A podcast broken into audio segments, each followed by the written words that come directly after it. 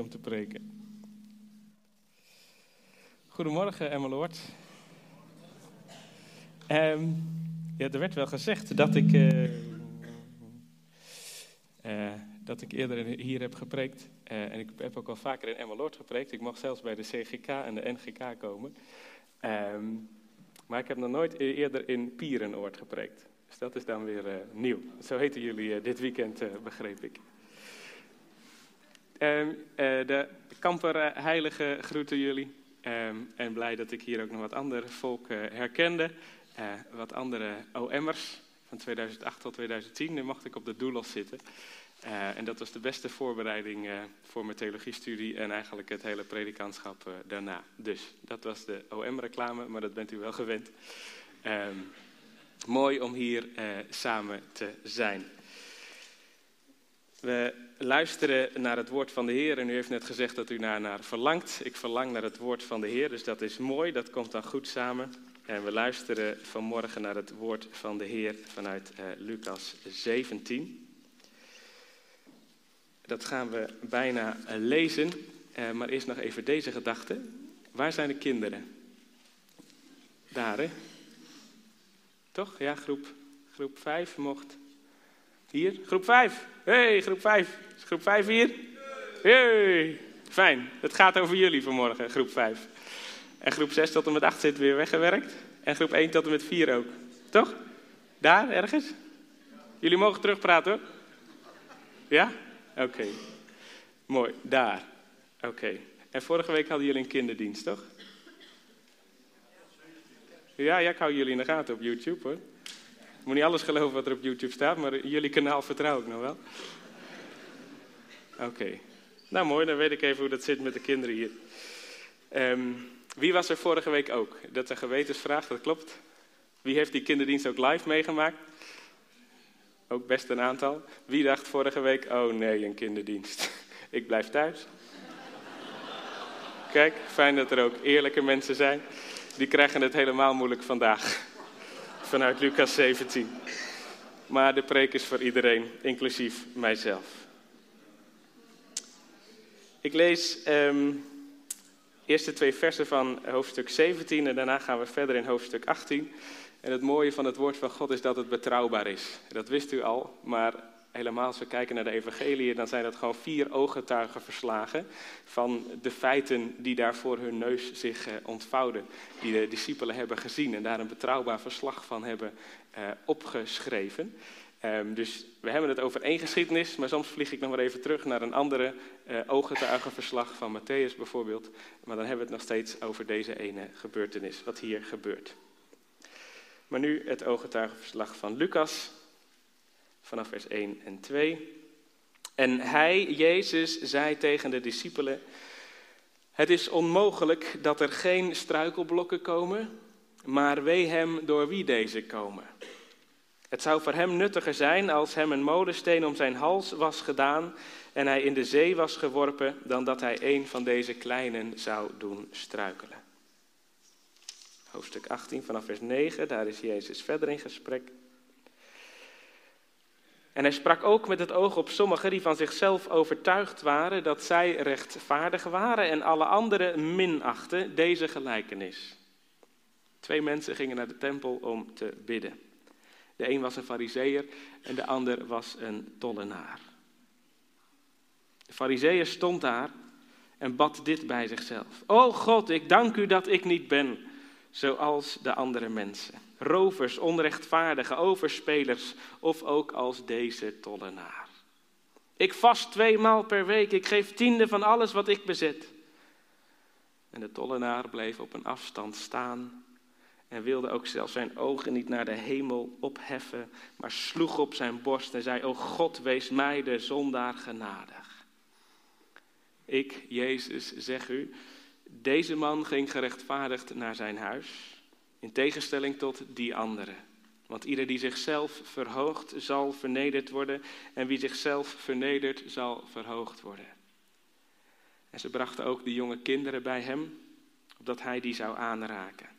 En toen de discipelen dat zagen, bestraften ze hen. Jezus echter riep de kinderen tot zich en zei: Laat de kinderen tot mij komen en verhinder hen niet, want voor zodanigen is het koninkrijk van God. Voorwaar zeg ik u, wie het koninkrijk van God niet ontvangt als een kind, zal daarin beslist niet binnengaan. Tot zover deze lezing uit het woord van God. We zijn gelukkig als we dit woord van God een plek geven in ons hart. Amen. Nou, dat was dus vorige week. Voor de mensen die er niet waren, dit gebeurde hier op het podium ongeveer rond deze tijd. Um, maar ja, dat hebben we gehad. De kinderen zijn nu lekker weg. Uh, we zijn weer even met de grote mensen onder elkaar. Want dit is toch een stuk uh, belangrijkere dienst. Hier hebben we geen last meer van die kinderen. Oké, nou, ik ben blij dat u het niet mee eens bent, maar... Uh, we beginnen vanmorgen, familie, met het volle gewicht. Het volle gewicht van 1,4 ton, zo ongeveer. Zo zwaar is een molensteen. En in al oude tijden was de kracht van 2 pk nodig om die molensteen aan het uh, rollen te krijgen. Nou, aangezien uh, dat niet meer in Nederland uh, gebeurt en ook niet in Duitsland, hebben we nog wel eens van die molenstenen over. Nou, deze was ook over en deze lag in Duitsland. En in die molensteen werd een tekst gebeiteld en de letters werden geverfd, zoals jullie zien.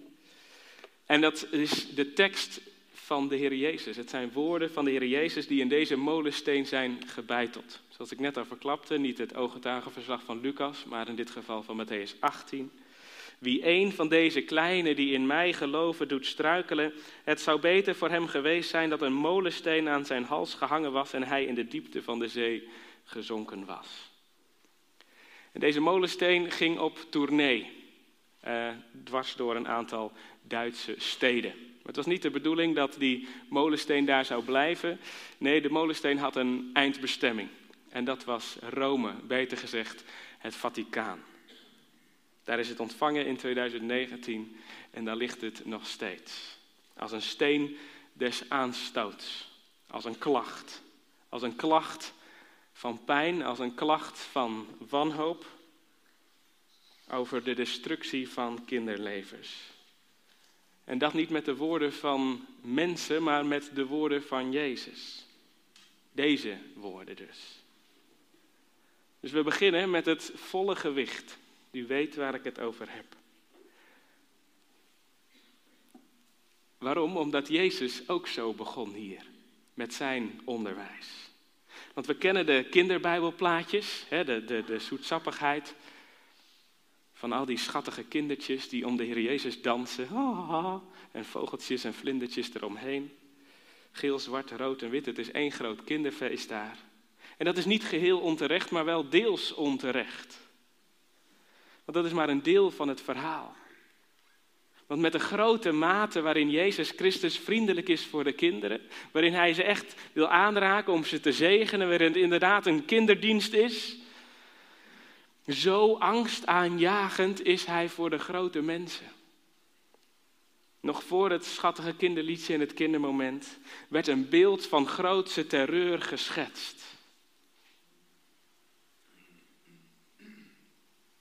De kinderen krijgen een leuke kinderdienst. Maar de volwassenen toen kregen een veeg uit de pan. Bewust jaagt Jezus de volwassenen hier zelfs de angst aan. Voordat hij een kind op schoot neemt om het te zegenen, spreekt hij van executie. En niet zomaar executie, nee, van een Romeinse executie. Hij heeft hier het Joodse publiek voor ogen.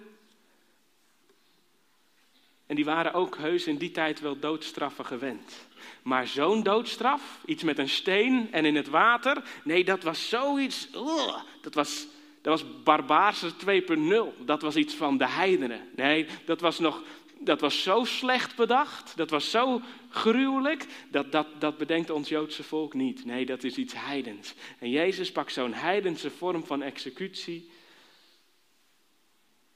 en zegt, nou, dit gebeurt er als je de kleine niet eert. Was dat nou nodig? Zo heftig? Moest Jezus zo, zo, zo overdrijven? Het is allemaal niet zo, uh, zo fijngevoelig. Hè? De Jezus, er zijn kinderoortjes bij. Nou, wie zelf enig vorm van onrecht heeft meegemaakt als kind, En er zijn verschillende soorten. Wie dat zelf heeft meegemaakt, die weet, ja, ja, ja, dit is nodig. Want als de grote mensen aan mij zitten als kind of mij onrecht doen, dan is het nodig dat er met de hoogste autoriteit gesproken wordt. Dat daar met alle kracht tegen ingegaan wordt. Als de grote mensen de kleine mensen kwaad doen. Als alleen God nog het onrecht ziet. Dan moet daar een molensteen tegenover staan.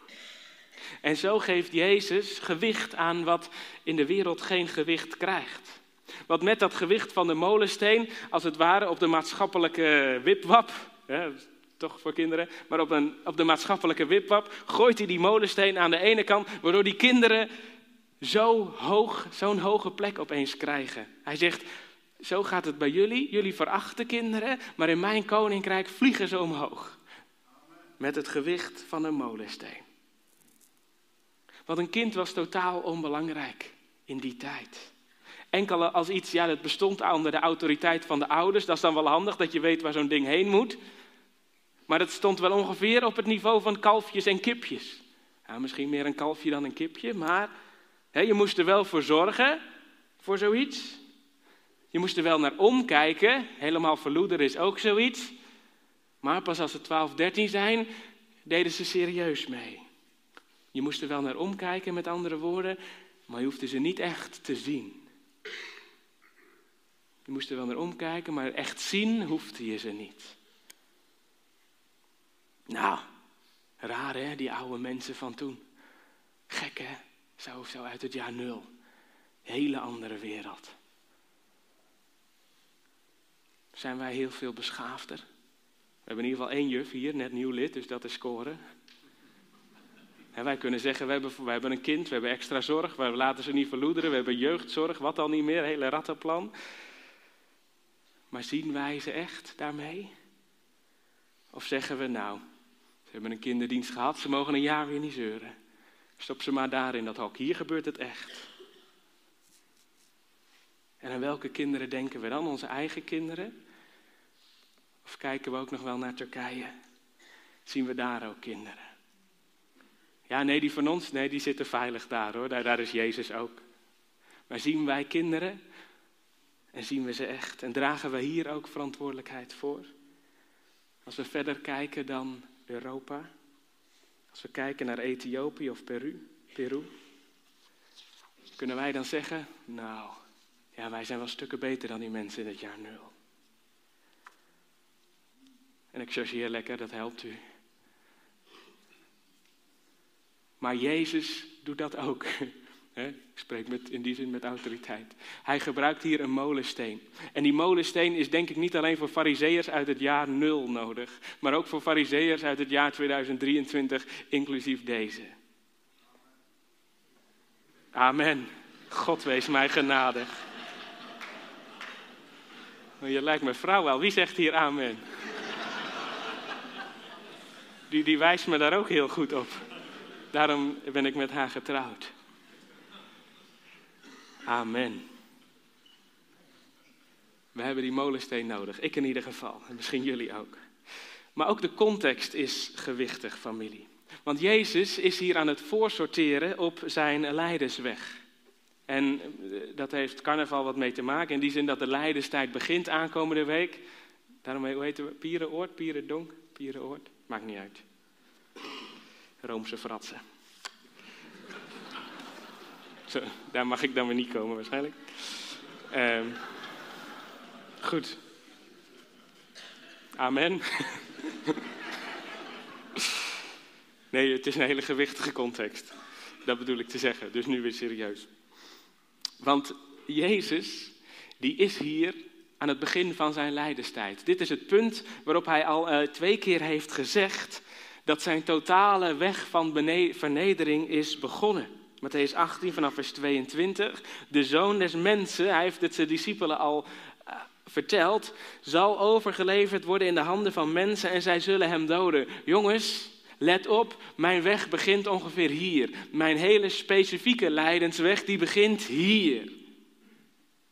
Dat heeft hij ze al twee keer verteld. En dan komt de diepe ellende van fariseeërs zoals u en mij naar voren. Komt het grootst mogelijke contrast naar voren. Want Jezus zegt dus, die nederige weg naar het kruis, die komt eraan. Die komt eraan, jongens, en ik heb jullie nodig. En de discipelen zijn op dit moment aan het strijden om het plus van de Tweede Kamer in het Koninkrijk der Hemelen. Waar Jezus spreekt over zijn vernedering, er zijn de grote mensen nog bezig met hun eigen verhoging. Matthäus 18, vers 1. Op dat moment, dat is dit moment, kwamen de discipelen bij Jezus en zeiden: Wie is toch de belangrijkste in het koninkrijk der hemelen? Man, het is toch onstuitbaar. Ze vliegen dwars door die bedoeling van Jezus heen. Ze, ze snappen er geen bal van. Jezus zegt, ik ga die nederige weg, ga die nederige weg. Kom op, de weg naar het kruis ligt voor mij klaar, ik moet voor jullie sterven. En zij denken, oh Jezus, hoe kan ik hoger opkomen in uw koninkrijk? En straks zal hij ze laten zien, kort hierop, iets met voeten wassen. Maar nu zijn ze nog druk bezig om elkaar de oren te wassen. En hij wil het aan ze duidelijk maken. Hij denkt, hoe krijg ik het nou tussen die oren? met het plaatsen van een kind in hun midden. Nou, waarom deed Jezus dat? Want de vraag was eigenlijk niet zo moeilijk. Wie is toch de belangrijkste in het koninkrijk der hemelen? Nou, wie is dat? Wie is het belangrijkste in koninkrijk? Nou, dat is de koning, toch? In het koninkrijk gaat het om een koning. Jezus toch zeker? Is Jezus de belangrijkste? Amen. Oké, maar ook nu zegt Jezus niet, nee, dat ben ik natuurlijk. Ik ben de belangrijkste. De. Nee, ook nu, zelfs nu, wijst Jezus nog van zichzelf af. Hij wijst niet naar zichzelf. Als, als iemand dat mocht, dan mocht Jezus dat. Maar hij wijst naar een kind. Zoals hij, God zelf, in alle nederigheid kind was geworden, wijst hij naar de aard van een kind. Jezus maakt zich niet druk om zijn status. Zoals zijn leerlingen dat nog wel doen, zoals grote mensen dat nog wel kunnen doen. Man, wat kunnen we druk zijn met een stoere LinkedIn-profiel. Maar hij wijst nu zelfs nog naar een kind. En dan geeft hij ze ook nog een, vervolgens een gelijkenis, lezen we. Om ze dat maar tussen de oren te krijgen.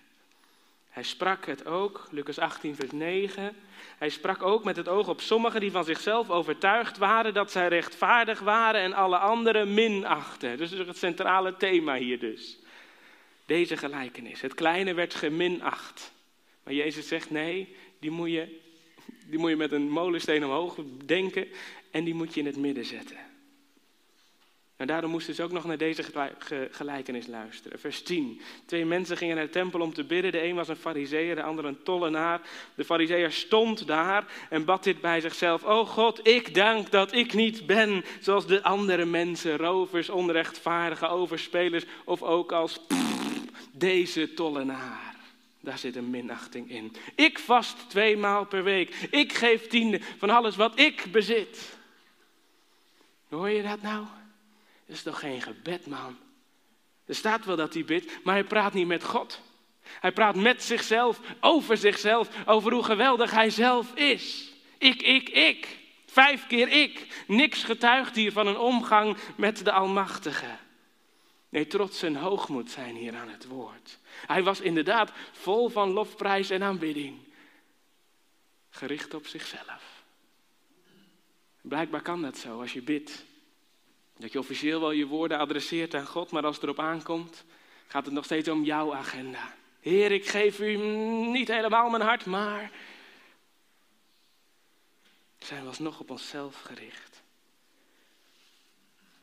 En letterlijk werd dan de tollenaar geminacht, deze tollenaar. Maar dat kan niet bestaan in het woord van God. Het is als een refrein. Het komt in spreuken in Jacobus in 1 Petrus terug. God keert zich tegen de trotsen, maar de nederigen geeft hij genade. God keert zich tegen de trotsen. Het is een refrein, dus ik zeg het drie keer en het staat er nog wel vaker. God keert zich tegen de trotsen, maar wie geeft hij genade? De nederigen. God keert zich tegen de trotsen, Maar de nederige, die geeft hij genade.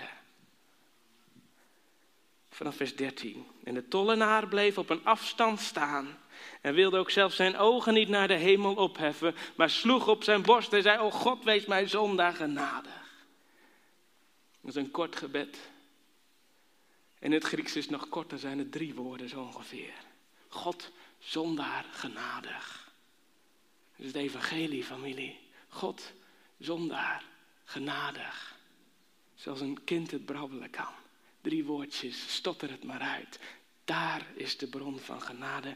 Meer vraagt de Vader niet. Meer heb je ook niet te bieden. Zie in wie je bent. Beleid dat maar. God, zondaar, genadig. De bedelaar zag wat hij was. De fariseeër zag niet wat hij was. Daarin zit de werkelijke weg van nederigheid. Het zit hem niet in een omhaal van woorden. We zijn gezegend met twee kinderen, een dochter van zeven en een dochter van twee. En die dochter van zeven, die kan heel lekker kletsen, net de vader. Maar ik ben niet blijer met dat begrijp verstaanbare geklets van mijn dochter van zeven in vergelijking met dat onverstaanbare gebrabbel van mijn dochter van twee. Zou dat bij God wel zo zijn?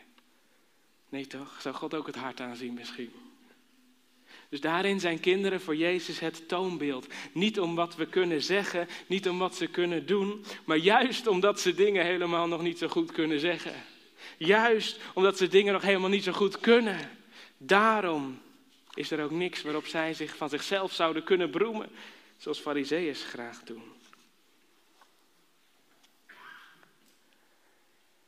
En vanmorgen viel het mee, was het een keer niet kwart over vijf, was kwart over zes. Dus het zijn die nachten, jongens. En nog is mijn vrouw vaker de sjaak hoor. Maar slapeloze nachten over het algemeen, de afgelopen 2,5 jaar. Kopzorgen, elke keer als ze zelf de trap op en af wil. En luiers en vieze kleren. En als je, en als je mazzel hebt, als je dan mazzel hebt, wat staat er allemaal tegenover? Dan krijg je een super lelijke kleurplaat. Toch? Dit is een A4'tje, maar ik kan, ik kan een paar lelijke meenemen.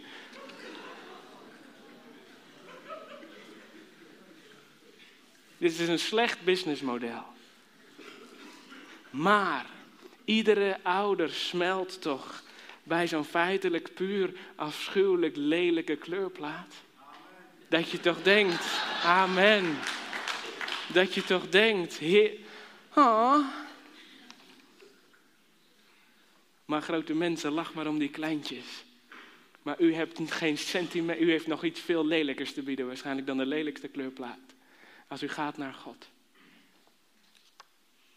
Als we maar niet denken dat wij tegenover God iets meer te bieden hebben dan een kleurplaat.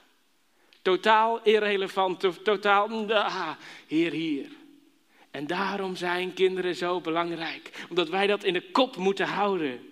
En daarom moeten ze centraal staan in de gemeente. Daarom moeten we zo worden dat we kunnen zeggen: Nothing in my hands I bring, only to thy cross I cling. Ik breng niks in mijn handen, ik kan me alleen maar vasthouden aan uw kruis, want als het erop aankomt, sta ik met een sneuwe kleurplaat voor uw heilig aangezicht. Daarom gaat Jezus hart naar kinderen uit. En Jezus is stellig, zeer stellig. Waarom? Want het raakt dus de kern van het evangelie. Die kinderen en onze omgang met kinderen raakt de kern van het evangelie. Want hij keert zich tegen de trotsen, maar de nederige geeft hij genade. En daarom moeten ze een vrije doorgang hebben altijd tot Jezus. Die mogen niet verhinderd worden door de grote mensen. Omdat het gaat om genade, om niets. En ze brachten ook de jonge kinderen bij hem, opdat hij die zou aanraken om ze te zegenen. En toen de discipelen dat zagen, bestraften ze hen. Nee, nee, nee, uh, grote mensen, die hebben wat beters te doen. Nee, deze meneer heeft geen tijd voor dit grut. Nee, nee, nee. Zie je, de discipelen snappen het nog steeds niet. Hij heeft het al een paar keer verteld, hij geeft ze gelijk en hij zet een kind in hun midden. Maar dan nog eh, snappen ze het niet. Het is moeilijk te begrijpen blijkbaar voor ons grote mensen. Maar ze snappen het niet.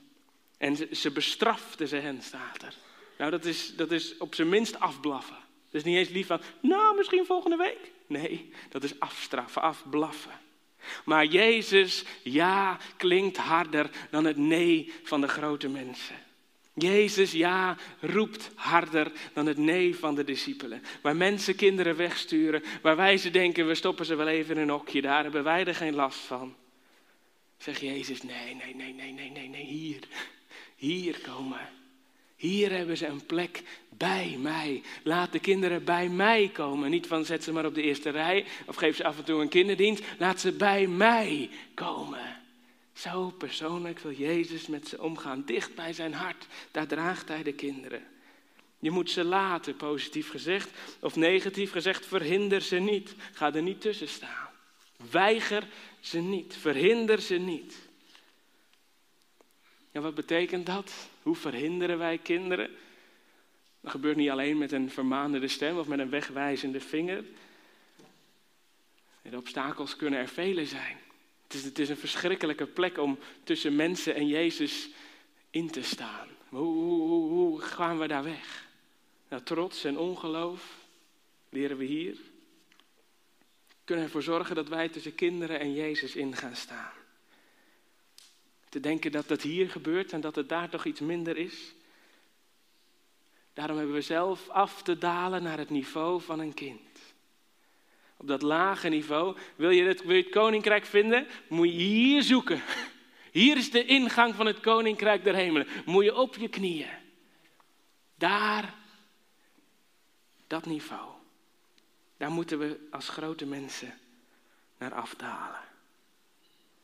Er was een broeder die op zondagochtend wilde preken. Maar hij vertikte het en hij kon het best om op zaterdagavond te preken voor de jeugd. En dat was hem eigenlijk te min. Dan heb je op zondagochtend niks te zoeken hier. Want onze trots moet aan de kant. Ook, ook de trots van deze fariseeën. Als we de wonderen van het koninkrijk tenminste, als we het ingaan in het koninkrijk tenminste willen begrijpen. Trots maakt ons lelijke mensen. En daarom zijn tieners zo heerlijk. Oh, die prikken er dwars doorheen. Al onze hypocriete houdingen als volwassenen. Dat is hun taak ook. Tieners, jongeren, dat is jullie taak. Wijs het maar aan waar het pijn doet hoor. He, want papa en mama die zijn ook nog niet perfect. En die moeten ook gewoon hebben van genade. Maar dat leggen ze je graag uit. Dat we kunnen zeggen, volg mij na zoals ik Christus navolg. En dat is een nederige weg. Als we die niet gaan, verhinderen we kinderen om bij Jezus te komen. Want jeugdwerk hebben we niet afgekocht met een roostertje voor de oppas en een knuffel. En kinderwerk hebben we niet één keer per jaar klaar na een kinderdienst. En een jeugdwerker aanstellen is ook niet hetzelfde als je eigen persoonlijke geestelijke verantwoordelijkheid nemen. Oh, we moeten discipelen maken. Hier heb je ook van die emmers. En gelukkig ander volk. dus de grote opdracht. En dat moet allemaal ver weg. Discipelschap voor, discipelschap achter. Maar denken we ook aan die kleine potentiële gelovigen, aan die potentiële discipeltjes. Zien we die hier ook rondlopen om te denken van, oeh, als God daar toch eens in grijpt. Oh, als die over 30 jaar toch naar China gaat. En ongeloof, dat kan ook verhinderen. Ons ongeloof kan verhinderen dat kinderen bij Jezus komen. Dat is ook moeilijk. Sommigen hier weten dat misschien, als de een thuis wel gelooft en de ander niet. Ja, maar papa hoeft ook niet. Ja, man, dat wordt lastig. Laten we dan ook voor die mensen bidden. Maar ook als je beide gelooft, kan het geloof zwakker worden. Je leest zelf nog amper in de Bijbel. Maar het is eigenlijk automatisch zo. Vaak gaat die kinderbijbel dan nog open. En als je zelf steeds losser wordt, aan de wereld gelijkvormig, als het zelf voor jou steeds een grijzer verhaal wordt, ja, wat heb je dan voor drap aan te bieden aan de volgende generatie? Ja, Jezus was een hele bijzondere man. Ja, dat horen ze overal wel. Of is Jezus de zoon van God? En kan jij uitleggen waarom Jezus de zoon van God is? Zien ze je nog Bijbel lezen? Ik, ik lees dit eh, boek. Ik zit vaak, te veel te vaak achter dat stomme schermpje. Maar als ik Bijbel lees, dan pak ik deze thuis. Niet als een fariseer, Maar om te weten dat ze zien dat papa Bijbel leest. En dat dit een Bijbel is. En dat je het hiervan moet hebben, dag in, dag uit, dag in, dag uit. Horen ze je hier in de kerk hardop bidden voor mensen met passie? Om een opwekking, om herleving? Het gaat dus niet alleen om ouders. Ik heb niet alleen hierover. Ik stel deze vraag niet alleen aan de ouders, die dan helaas nu de sjaak zijn. Maar dit doen we met elkaar. Hier moeten ze het horen. Juist ook als papa thuis niet gelooft, moeten ze het hier ook horen. Er staat hier soms zo'n zo'n tafel, hè, denk ik. Het zou wel een bad zijn, maar er staat ook wel eens een tafel. En er staat zo'n wit doek over, net als in een ander spookhuis. Weten ze wat hier gebeurt? Weten ze? Snappen ze wat hier gebeurt? Dat, jullie allemaal zeggen: Oh, die genade van de Heer Jezus Christus, die heb ik nodig, die moet ik proeven. En we hebben ze geen idee. Is Bijbelteksten memoriseren nog normaal voor oma? Of is leiding geven aan de jeugd? Is dat nog een heerlijke roeping? Is dat een heerlijke zegen waar we volop enthousiast van worden? Dat kinderen denken, wow, mensen zijn blij dat ze met mij om mogen gaan. Misschien gaat het hier wel om iets heel wezenlijks. Samen voeden we op familie. Geen gewichtige gedoe dus, maar laat ze maar tot hem komen. Laten we geen enkele hindernis tussen mensen en Jezus zetten. Ook niet als het gaat om die allerkleinste. Maar dat die weg vrij uit naar Jezus mag zijn, hier in Emmeloord. Laat ze tot Jezus komen hier in Emmeloord. Dat is een opdracht. Niet één keer per jaar. Niet afgeserveerd. Dit is onze gezamenlijke gemeenschappelijke verantwoordelijkheid. Uw heiliging heeft daar alles mee te maken. Of je nou kinderen hebt of niet. Laat ze tot Jezus komen. Waarom? Omdat we dan ook misschien zelf begrijpen dat het echt genade is. Dat we niks te bieden hebben behalve een kleurplaat. Halleluja.